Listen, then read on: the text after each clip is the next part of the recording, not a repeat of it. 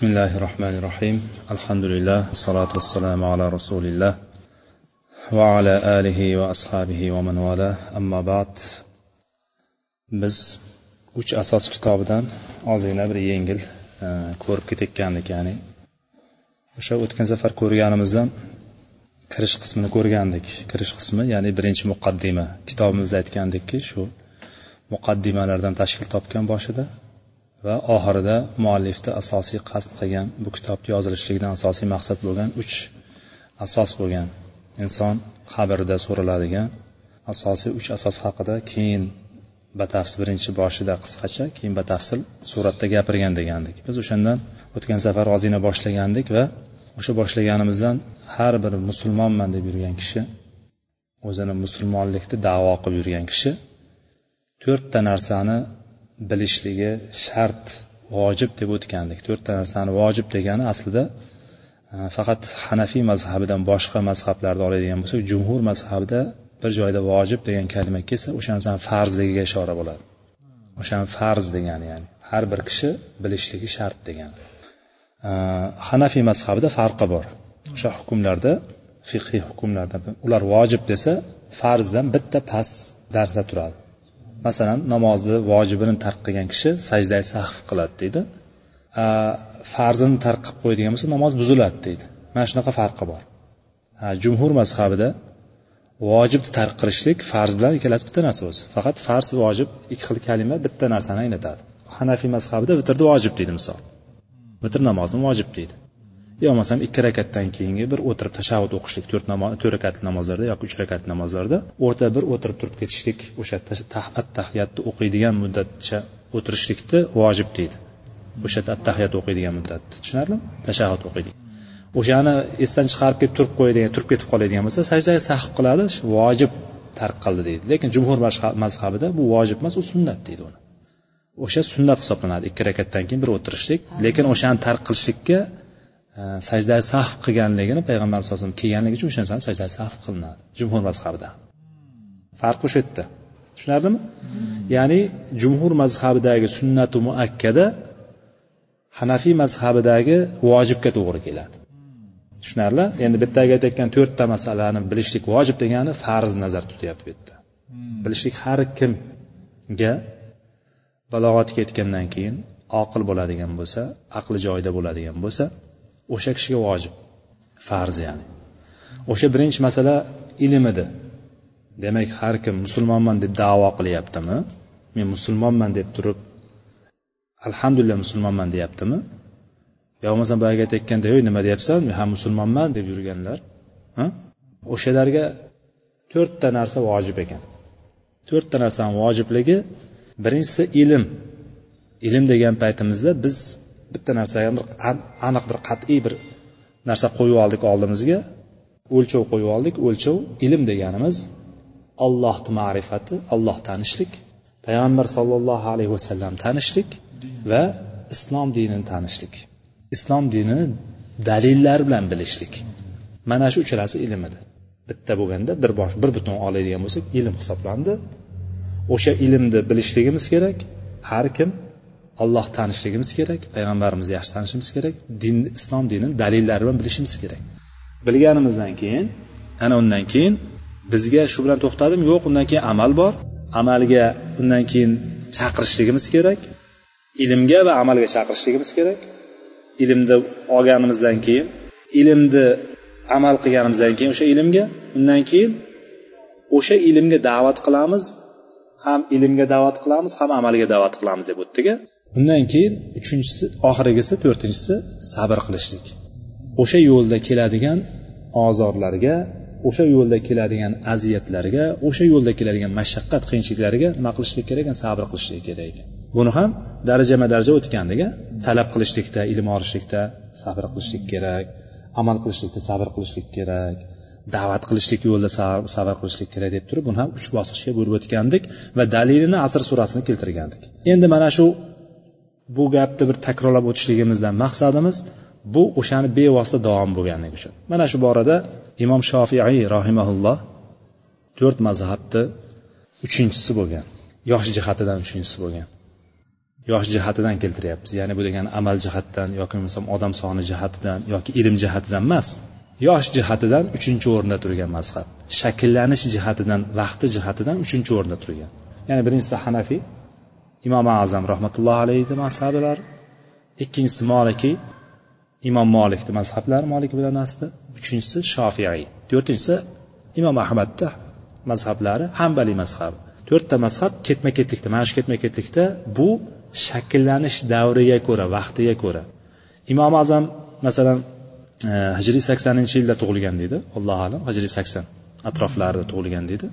Vafotlari bir yuz elliginchi hijriylikka to'g'ri kelgan. Imom azamni vafotlari yetmish yosh atrofida milodiy hisobda. Hijriy hisobda yetmish uch yetmish to'rt yoshda bo'ladi. Ya'ni har o'ttiz yilda bir yil bir yil qo'shiladi. Bir yil qo'shiladi hijriy hisobda. Shuning uchun payg'ambar sallallohu alayhi vasallam yoshlari oltmish uch deyiladi lekin milodiy hisoblaganda oltmish oltmish bir atrofida bo'ladi. Shuning uchun boyagi payg'ambar yoshi deb osh qilayotganlar oshlarini yangilab qo'yishlik kerak. Chunki o'tqizib yuborib qolganda ular. Tushunarlimi? Milodiy hisobda hisoblaganda ular. Ikki yil o'tkazib yuborganman ikki yil uch yil oldin qilish kerak bo'ladi ular. Ya'ni demoqchi bo'lganim imom azam ham bir yuz elliginchi hijriy yilda vafot etgan bo'lsalar imom shofiiy bir yuz elliginchi yilda tug'ilgan. Ya'ni bir birini umuman ko'rmagan mabodo ko'rib qolgan bo'lsa ham agar e, degan bo'lgan ham hali endi tug'ilgan paytda ko'rgan bo'lishligi kerak bo'lardi. Agar biz oylarini ko'rib agar oylar to'g'ri kelsa yillar to'g'ri kelsa va imom azam tug'ilgan joyda imom azam yashayotgan joyda tug'ilgan bo'lganda edi bu imom shofiy ana unda ko'rgan bo'lardi. Lekin bu narsa bo'lmadi. Ya'ni imom shofiy diyonida imom azam bunaqa ekan imom azam bitta gapni gapirgan ekan imom shofiyni shogirdlari imom azamga bunaqa gaplari bilan raddiya bergan ekan dekkanlar ular johillar bo'ladi. O'shandan ilmsiz bo'ladi. Bir birini ko'rishgan imom molik bilan imom azam bir birini ko'rishgan o'rtalarida yetti yosh sakkiz yosh farqi bor ularni. Kattalik jihatidan imom azam katta u kishidan alloh alam yetti sakkiz yosh yoki o'n o'n besh yosh atrofida mana shunda qoraliqda hozir aniq e, aniq aniq dalillarni keltira olmayman yil jihatdan. Ya'ni biroz yoshdan kichkina bo'lgan. Imom molik kichkina bo'lganlar lekin bir biri bilan ko'rishgan ular. Ho'p xullas kalom biz gapimizni aylanib aylanib aylanib yana qaytib keldik imom shofiyga imom shofiy rahimaulloh aytdilarki لو ما أنزل الله حجة على خلقه إلا هذه السورة لكفتهم asr surasi haqida gapiryapti hozir asr surasi haqida imom shofiy rahimaulloh shunaqa dedilarki agar alloh taolo xalqiga ya'ni butun insoniyatga butun jin olamiga insoniyat olamiga hammasiga shundan boshqa hujjat tushirmagan deydi. Ya'ni faqatgina shuni o'zi faqatgina asr surasini tushirgan deydi ularga yetarli bo'lardi shu narsa deydi. Nimaga yetarli bo'lardi? Hidoyat topishlariga allohgagina ibodat qilib turib jannatga kirishligiga mana shuni o'zi kifoya qilgan bo'lardi. Shunaqa e, biz uni ma'nosini tushunib turib o'shanga amal qiladigan bo'lsak qanchalik katta ma'nolarni o'z ichiga olganini bila olamiz va muallif rahimalloh keltirgan to'rtta masala ham nima ekan? Hammasi dinni qamrab olgan ekan degan narsa kelib chiqadi tushundingmi? Asr surasi ham qisqacha butun dinni o'zini ichiga oldi. Tushunarlimi? Uni ichida namoz yo'qku ro'za yo'qku deyish mumkin haj yo'qku deyish mumkin. Misol lekin mana shu narsa yetarli bo'ladi ularni hidoyat topishiga. Agar boshqa narsa tushirilmasa ham olloh bor ekan demak shu narsa kerak ekan bizga shu narsani qilishimiz kerak ekan deb turib nima bo'lardi? Jannatga olib ketishligi yetarli bo'ladi dedi. Va mana muallif rahimaulloh asr surasini gapirgandan keyin imom shofiyni ham u asr surasi haqida gapirgan gapini keltirishligi juda munosib o'ringa. Shuning uchun shu gapni ham shu imom shofiyni so'zlarini ham keltirib ketdi. Tushunarlimi? Shu o'rinda. Ya'ni bu yerda ham muallif bir masala qilib ko'rsatyaptiki imom shofiyni gaplarini mana shu sura kifoya qilgan bo'lardi dinni o'rganishligiga dinni ma'rifatiga mana shu sura yetgan bo'lardi. Degan foydani chiqaramiz chiqarsak bo'ladimi? desa javob aytyaptiki ha chiqarsak bo'ladi. Ya'ni asr surasi dinni o'rganishlikka ya'ni dinni tanishlikka dinni ma'rifatiga yetarlimi? Yetarli. Nimaga? Nimagaki? Uni gapidan ya'ni dinni hammasini emas dinni hozir aytganimizdek qisqacha umumiy tarzda tushunishligimizga yetarli. Nimaga? Aytyaptiki hamma insonlar ziyonda. Birinchi aytyapti. Alloh taolo qasam bilan asriga qasam ichib turib hamma insonlar ziyonda dedi. Hamma ziyonda. Kim ziyonda bo'lsa nauzubillah do'zaxga ketadi. Hamma insonlar ziyonda. Illo deb turib ulardan ziyonda bo'lmaganlar quyidagilar deb turib birinchisi iymon keltirganlar. Demak iymon iymonni shartlari bor o'zini. Iymon. Iymon keltirdik tamommi? Yo'q. Iymon keltirdik tamom emas bitmadi ish iymon keltirgandan keyin iymonimiz men olloh bor deb iymon keltiraman oxirat kunida qayta tirilaman. Alloh taolo payg'ambarlar jo'natgan kitoblarini jo'natgan ertaga hisob kitob bo'ladi deb turib iymon keltirgan kishi endi amalga o'tishligi kerak. Shuning uchun vaamilus solihat shuning uchun iymon bilan amal ajralmaydi. Iymonni ta'rifida ham salaflarni salaflar salaf solihlarni rohimahumullohlarni fikrlariga qaraydigan bo'lsak iymon bilan amal ajratilmagan bir biridan iymon bilan amalni o'rtasini ajratganlar murjiya degan firqa. Murjiya firqasi iymon bilan amalni o'rtasini ajratgan. Ular ya'ni eng osiy eng ko'p gunoh qiladigan kishi bilan buyoqda eng farishtadek ko'p ya'ni farishta bilan jibroil alayhissalomni iymoni bilan yoki payg'ambarlarni iymoni bilan maytdagi eng osiy kishini iymoni bir xil deydi iymon o'zgarmaydi deydi. Hmm. chunki ular amalni iymondan sanamaydi. Tushunarlimi? Amal iymon tarkibiga kirmaydi deydi. Chunki insonni iymonni kuchayishligi ziyoda bo'lishligi quvvatli bo'lishi nimaga bog'liq? Amalga bog'liq. Shuning uchun payg'ambar sallallohu alayhi vasallam sanaganda al hayau minal iymon dedilar. Iymonni bir shoxchasi iymonni bir bo'lagi. Iymon yetmish yoki oltmish nechi yoki yetmish nechi bo'lakdan iborat dedi. Shoba deb keladi. Shoba degani shunaqa qismlardan iborat. Ana o'shalarni eng yuqori eng yuksak qismi la ilaha illalloh bo'ladigan bo'lsa allohdan o'zga barhaq iloh yo'q deb turib faqat allohga sig'inishlik bo'ladi tavhid kalimasi bo'lsa eng pastida imatatul ada ani tariq yoki an tariqil muslimin keladi. Ya'ni bir ozor beradigan narsani bir insonlarga zarar beradigan narsani yo'lni chetiga olib tashlashlik bu amalmi nima yo qalbda ishimi? Olib tashlashlik. Bir yo'lda ketyapti bir ozor yotibdi. Tikan yotibdi yo shisha yotibdi sinib. O'shani bir chekkaga olib tashlashlik nima bo'lyapti amalmi yo amal emasmi bu? Iymonni ketidan kelgan amalda. Mana ko'ryapsizlarmi? Bu amal bu. Eng tepasi la ilaha illalloh kalimasi bo'lsa buyoqdagi pastdagisi amal bo'lyapti. Tushunarlimi? Eng quyi darajasi amal bo'lyapti va orqasidan aytyaptiki al hayau minal iymon min shu'batil iymon yoki hayo ham iymonni bir bo'lagidir deganlar. Ya'ni demoqchi bo'lganim bu yerda o'sha e, iymon keltirishlikda olyapmiz hozir. Iymon bilan amal solih qilsa. Amal solih qilgandan keyin o'sha amalga haqqa chaqiradi va sabrga chaqiradi. Mana shu to'rtta narsa dinni mana shunday qilib turib bir quchog'iga oladi. Qisqacha qilib turib bir quchog'iga bir quchoq qilib oladi o'zini ichiga. Tushunarlimi uni har bittasi kengayib boraveradi keyin imom shofiyni gapidan mana shu narsani olishligimiz mumkin va muallif rahimalloh aytdiki vaqol al buxoriy rahimahulloh babun al ilmu qabla al qawli val amal والدليل قوله تعالى فاعلم أنه لا إله إلا الله واستغفر لذنبك فبدأ بالعلم قبل القول والعمل إمام buxoriy rohimaulloh hm? imom buxoriy rohimaulloh biz yaxshi taniymiz. Abu abdulloh muhammad ibn ismoil o'zi muhammad bo'lgan ismlari. Muhammad ibn ismoil ibn ibrohim al bardizba al buxoriy ya'ni bu o'zimizni buxorodan chiqqan olimlarimizdan eng zabardast olimlarimizdan eng oldinda kelgan olimlarimizdan bu kishi sahih buxoriy kitobini yozganda u kishi kitoblarini shu boblariga bo'lib chiqqan. Insonlarga tushunarli bo'lsin deb turib bob bob qilib chiqishgan.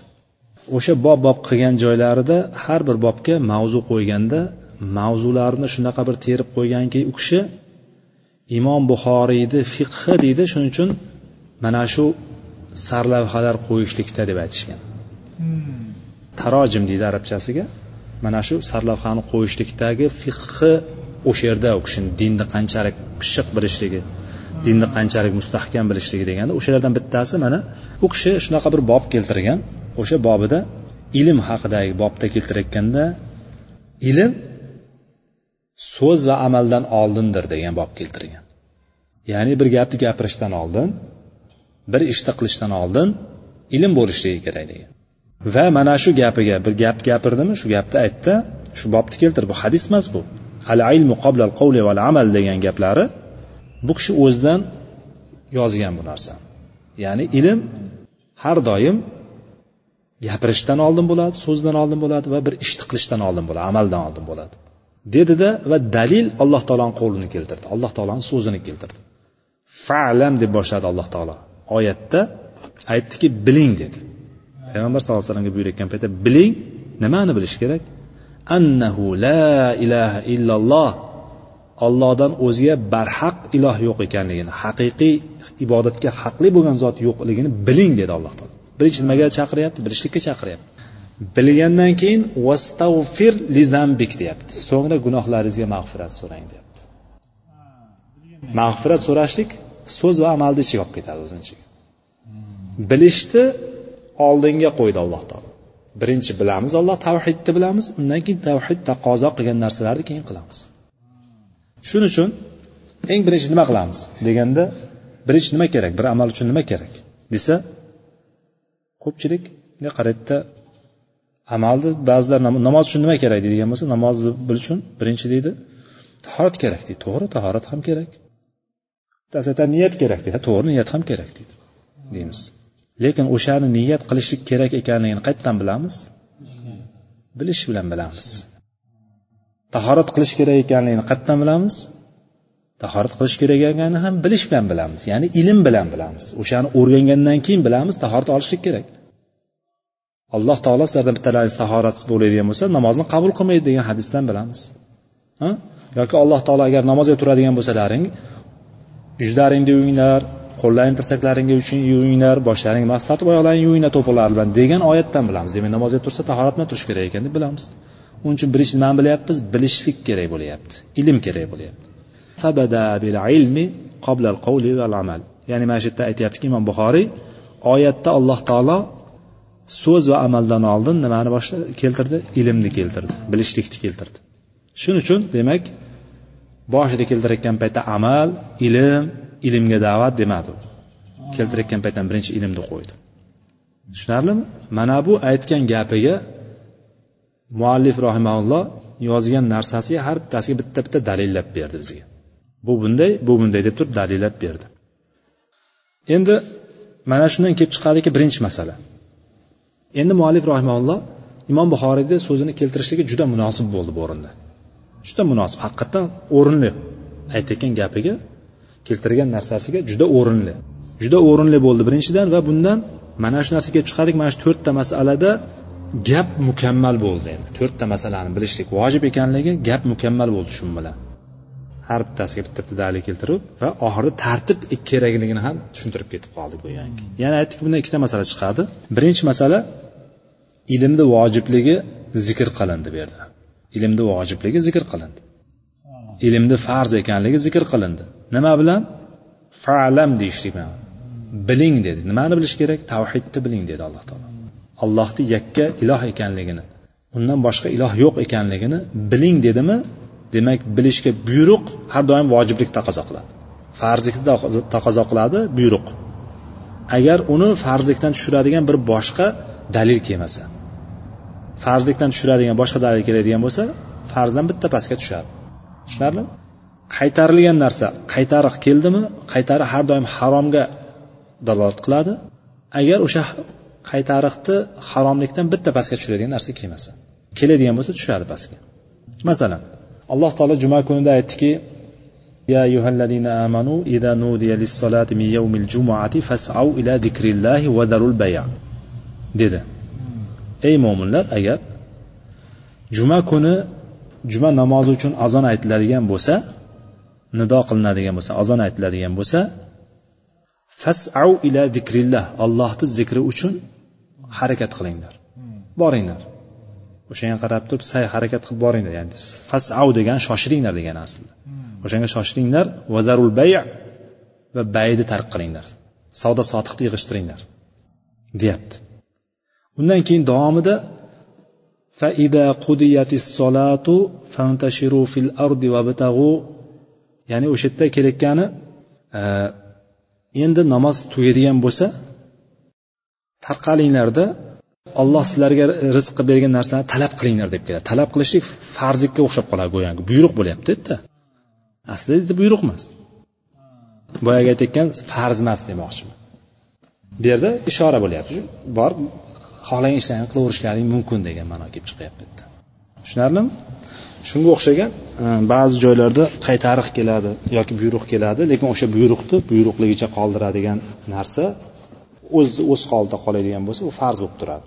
Masalan ya ayyuhallazina amanu taqulloha haqqa tuqatihi va la tamutunna illa va antum muslimun. Oyatda ey mo'minlar haqiqiy suratda allohga taqvo qilinglar deb keladi.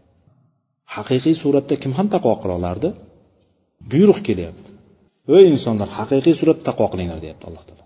Mo'minlar deb aytyapti agar shu holatda qolganda edi bizga biroz zo'r kelardi. Bizga bir og'ir kelardi og'ir bo'lardi mashaqqat bo'lardi. Haqiqiy suratda taqvo qilishlik inson qiyin bu narsa. Insonni bo'shashish bor insonni kuchayishi bor har xil holatlar bo'ladi. Ana endi boshqa oyatda bo'ladigan bo'lsa fattaqulloha mastatatum keladi. Tushunarlimi bu yerda ollohdan imkonlaring yetgunicha taqvo qilinglar deb keladi. Kuchingiz yetgunicha taqvo qilinglar degan ikkinchi oyatdan birinchi oyatda hukmi pastga tushyapti farzlikdan tushunarli bo'ldimi? Xuddi shunga o'xshagan. Bu yerda ham xuddi shunday. Bu yerda ham xuddi shunday bo'lyapti lekin bu yerdagi narsani pastga tushiradigan narsa yo'q. Ollohni bilishlik ollohni yakka iloh ekanligini bilishlik farz. Tushunarlimi? O'shanga ochiq zikr qilinyapti bu oyatda. Ilmni farz ekanligiga zikr qilinyapti. U yuqorida to'rtta narsa farz dediku qayerdan oldi buni degan narsaga? Dalillarni ochiq zikri bor bu yerda. Yuqoridagilarda ochiq zikri bo'lmasa ham asrdan illalladina amanudan chiqqandi to'g'rimi? Undan tushunilgan ma'nodan kelib chiqqandi bu yerda ochiq nutq qilingan ma'nodan kelib chiqyapti. Bil deb aytyapti alloh taolo. Tushunarlimi? Ilmni farzligini va shuningdek bu oyatdan kelib chiqyaptiki bu to'rtta masalani tartibini vojibligi kelib chiqyapti. Chunki alloh taolo nima? Birinchi bilishni aytdi undan keyin amal amal qilishlikni aytdi. Ya'ni amaldan va so'zdan oldin bilishlikni qo'ydi. Ya'ni muallif rahimalloh tartibi mana bu oyatlarga to'g'ri kelyapti deyapti. Keyingi mavzuni ham boshini boshlab qo'yamiz. Endi muallif ikkinchi muqaddimaga o'tdi. Yalam rahimakalloh muallifni qaranglar bir e, talabalarga o'quvchiga boshqalarga yaxshilik sog'inyapti yaxshilik sog'inyapti degani unga duo bilan boshlayapti. Alloh senga rahm qilsin. Allohni rahmatidan ko'ra kengroq narsa. Allohni rahmatiga noil bo'lishlikdan ko'ra yaxshiroq narsa bormi? Yo'q. Biz amalimiz bilan jannatni nima qila olmaymiz? Jannatni qozona olmaymiz jannatga amalimiz bilan kirib keta olmaymiz biz. Yo rasululloh siz ham kira olmaysizmi deb so'raganda ha men hamman deganlar. Men ham amalim bilan kira olmayman degan magaram alloh taolo meni rahmati bilan o'rab tashlasa rahmatiga burkab qo'ysa o'shanda meni jannatiga oladi degan. Ya'ni payg'ambardek zotlar ya'ni qilayotgan amali bilan qalblari bir xil bo'lgan. hatto qalbidagi allohga bo'lgan muhabbati olloh tanishligi eng yuqori darajada bo'lgan payg'ambardek zotga zotki amali bilan kirolmayman deydigan bo'lsa qolganlar gapirmasa ham bo'laveradi qolganlar shuning uchun rahmat so'rashlik bu eng katta narsalardan bittasi bu kishi rahmat so'rab bizga duo qilib shuni yana bilib qo'yginki ma'luming bo'lsinki shu narsaga أنه يجب على كل مسلم ومسلمة تعلم هذه الثلاث مسائل والعمل بهن aytdiki har bir muslima va musulmon kishiga mana bu uchta masalani bilishlik va o'sha uchta masalaga amal qilishlik vojibdir dedi. Yuqorida vojib kalimasiga to'xtab ketdik. Vojib deb o'tib ketaveramiz yani. Demak uchta masalani bilishligi va o'sha uchta masalaga amal qilishlik vojib ekan. Har bir o'zini musulmonman muslimaman deb yurgan kishi. Birinchisi al ula annalloha xalaqana va razaqana ولم يتركنا هملا بل أرسل إلينا رسولا. فمن أطاعه دخل الجنة ومن عصاه دخل النار. والدليل قوله تعالى إنا أرسلنا إليكم رسولا شاهدا عليكم كما أرسلنا إلى فرعون رسولا فعصى فرعون الرسول فأخذناه أخذا وبيلا. Bu yerda muallif rahimalloh shu uchta masalani birinchisini zikr qildi. Birinchisi nima ekan? A masalan birinchisi nima ekan? Birinchisi alloh taolo bizni yaratdi. Iymon keltiramizmi bizni yaratganiga? Yo o'zimizni o'zimiz paydo bo'lib qoldikmi? Yo boyagi alloh ularni yuzini teskari qilsin. Darvin ta'limotiga o'xshab turib biz maymundan paydo bo'lib qoldikmi? Yo'q. Alloh taolo bizni yaratdi va rozoqona va bizga rizq berdi. Rizq beryaptimi alloh taolo? Ba'zilar kasbim bilan topyapman deydi. Ho'p kasbing bilan topyapsan ekan. Ha. Deylik mayli hamma narsani qo'yib qo'ylikda havoni kim beryapti deymiz. Biz oddiysidan kelamiz uzoqqa bormaymiz. Mayli u mehnat qilib topyapti ekan o'zim kuchim bilan topyapman. Deyotgan bo'lishi mumkindir. Bu xato fikr lekin biz uzoqqa bormaymiz yaqindan boshlaymiz. Havoni kim beryapti? Havo kirganda o'pkalardagi alveolalar degan hujayralar bor a alveolalarga kirgandan keyin havo bilan ya'ni o'pkadagi tashqi muhit bilan qon o'rtasidagi baryerdan diffuz o'laroq kislorod so'rilib turib keraksiz moddani chiqib ketishini kim ta'minlayapti? Men biroz meditsinani ichiga kiryapmanda hozir kim ta'minlayapti bu narsani kislorod qonga kirgandan keyin to'qimalarga borib turib o'shalarga kirib ta'minlashni kim ta'minlab beryapti? Rizq bo'lmay nima bu? Qani so'ylasin rizq bo'lmay nima bu? To'g'rimi? Osmondan yomg'ir yog'masa qahatchilik bo'lsa yerdan hech narsa o'smaydigan bo'lsa nima bo'ladi? Qiyomat oldi shunaqa holat bo'ladi. Osmon hech narsa yog'dirmay qo'yadi. Osmon hech narsani yog'dirmay qo'yadi. Hamma narsa qurib yo'q bo'lib ketadi o'lib ketadi. Yerni yuzida na o'simlik qoladi. Na hayvon qoladi. Odam yashayveradi qiynalib bo'lsa.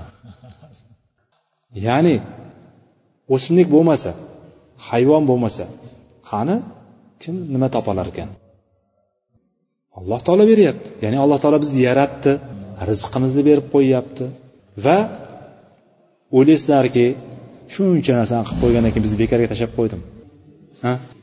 Bekordan bekorga dunyoda keldiku o'ynab kulib qolish kerak ekan a deb turib yurib qolish kerak ekanmiz yo maktabga borish maktab ekan ertaga ishga ish o'qish ekan o'qishib ertaga ish ekan ish bilan bola chaqani ko'paytirish ekan bola chaqani ko'paytirib mashina ekan mashina ekan deb.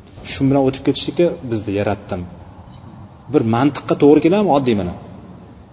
Hozir shu narsani aqlga to'g'ri kelyaptimi shu narsa masalan bitta narsani siz biron bir ish qilayotgan bo'lsangiz shunday hech narsadan bekordan bekor shuni qilib qo'ya qolay deb turib qilib qo'yilgan ish bormi inson? Bir manfaatni ko'zlamasdan bir qilingan ish bormi insoniyatda? Yo o'zini manfaatini yo yonidagi sherigini yoki farzandini yoki xotinini yoki ota onasini yoki insoniyatni manfaatini ko'zlanmasdan qilingan biron bir ish bormi? Manfaatni ko'zlamasdan hech narsa o'ylamasdan qilinayotgan ish bu aqlsizni ishi bo'ladi. Unda biz aql doirasini tashqariga chiqarib qo'yamiz odam. Bu aqlli demaymiz buni biz. Tushunarlimi? Ya'ni aqlliman degan odam demak shuncha narsani qilib qo'ygan yer osmonni biz uchun yaratib qo'ygan bizga osmonlardan yomg'ir yog'dirib rizq berib turgan. Ha? Yo'qdan bor qilib qo'ygan olloh bekorga tashlab qo'ydimi? Yo'q. Valam yattrukna hamala bizni bekorga tashlab qo'ymadi. Balki arsala ilayna rasula balki payg'ambar jo'natdi elchi jo'natdi. Nimaga?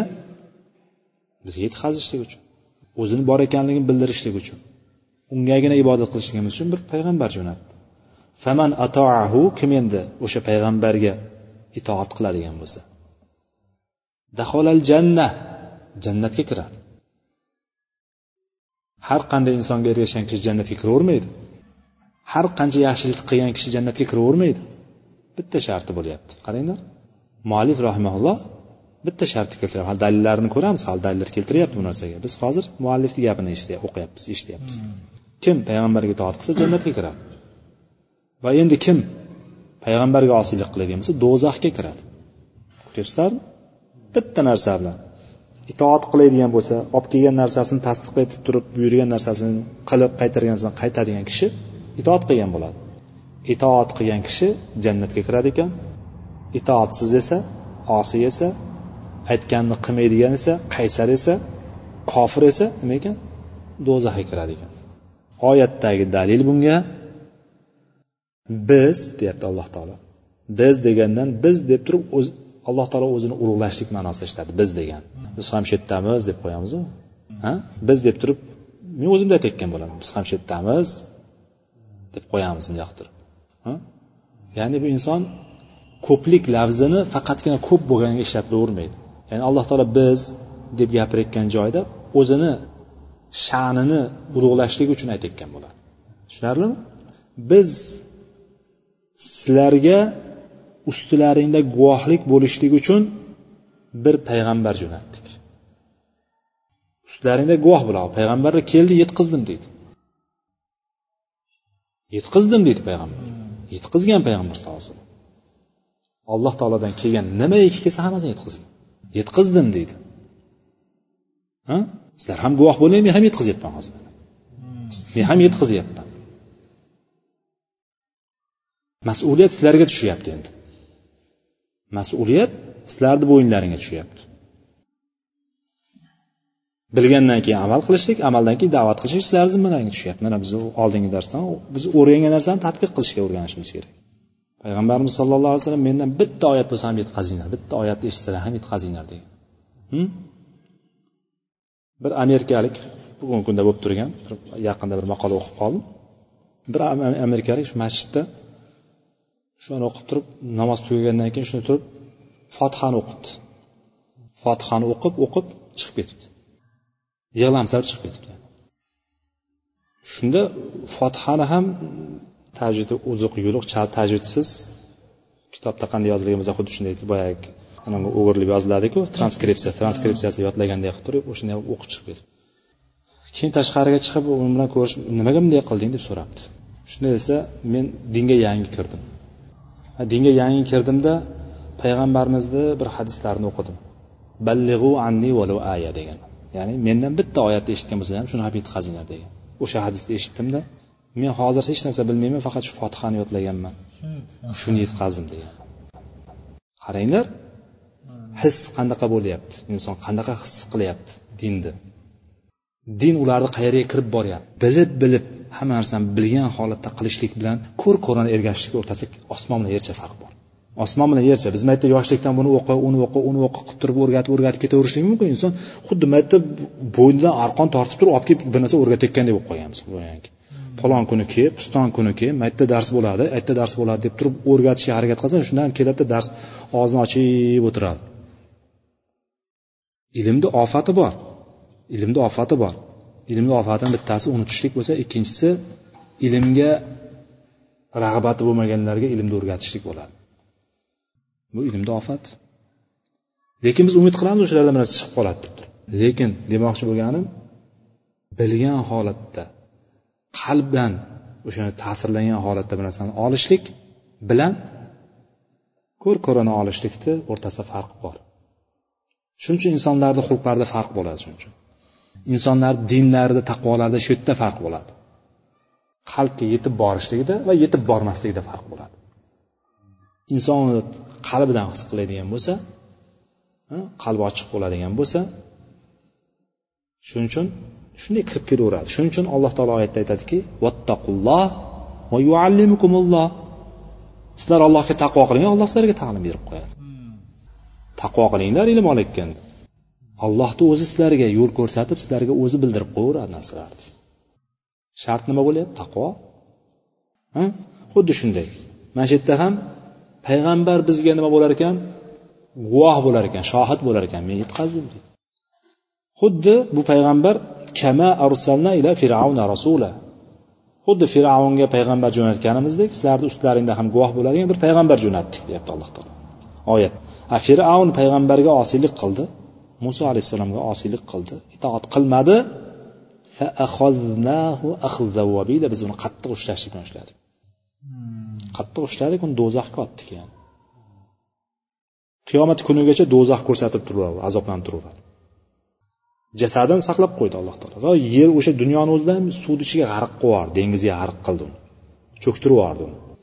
Cho'ktirib yuborgan mana shu cho'ktirib turib odamlar bu xudo ekan yo'q qol degan narsa kelib qolmasin kallalariga deb turib biz seni badaningni saqlab qo'yamiz dedi alloh taolo. Oyatda saqlab qo'yamiz dedi. Suv ustiga qalqib chiqdi. Inson suvga bo'kkandan keyin ba'zida cho'kib ketadi tagiga ba'zida ustiga chiqadi fir'avnni ham shunday qilib turib ustiga chiqarib qo'ydi va dediki mana shu badaningni seni saqlab qo'yamiz dedi. Shirib yo'q bo'lib ketmaydi. Muzeylarda turibdilar qayerda tursa fransiyada deydi. O'tganlar ko'rganlar ibrat olsin uchun alloh taolo buni saqlab qo'ydi. Qisqasi fir'avn bu yerda osiylik qildi va biz uni o'sha bilan ushlashlik bilan ushlab qo'ydik dedi. Bu yerda kelayotgan narsa alloh taolo bizni bekorga tashlab qo'ymaganligi. Kelib chiqdi. bekorga tashlab qo'ymadi payg'ambar jo'natdi. Xuddi mana payg'ambarni fir'avnga jo'natganday endi oyatdagi kim e, bu muallifni gapida kim itoat qilsa jannatga kiradi osiy bo'lsa do'zaxga kiradi dedi. Bu gap qayerdan kelib chiqdi? Fir'avn osiylik qiluvdi alloh taolo uni qattiq ushlagan do'zaxga tashladi. Shundan kelib chiqyapti. Va axiru davana alhamdulillahi robbil alamin. Allohu taala alam.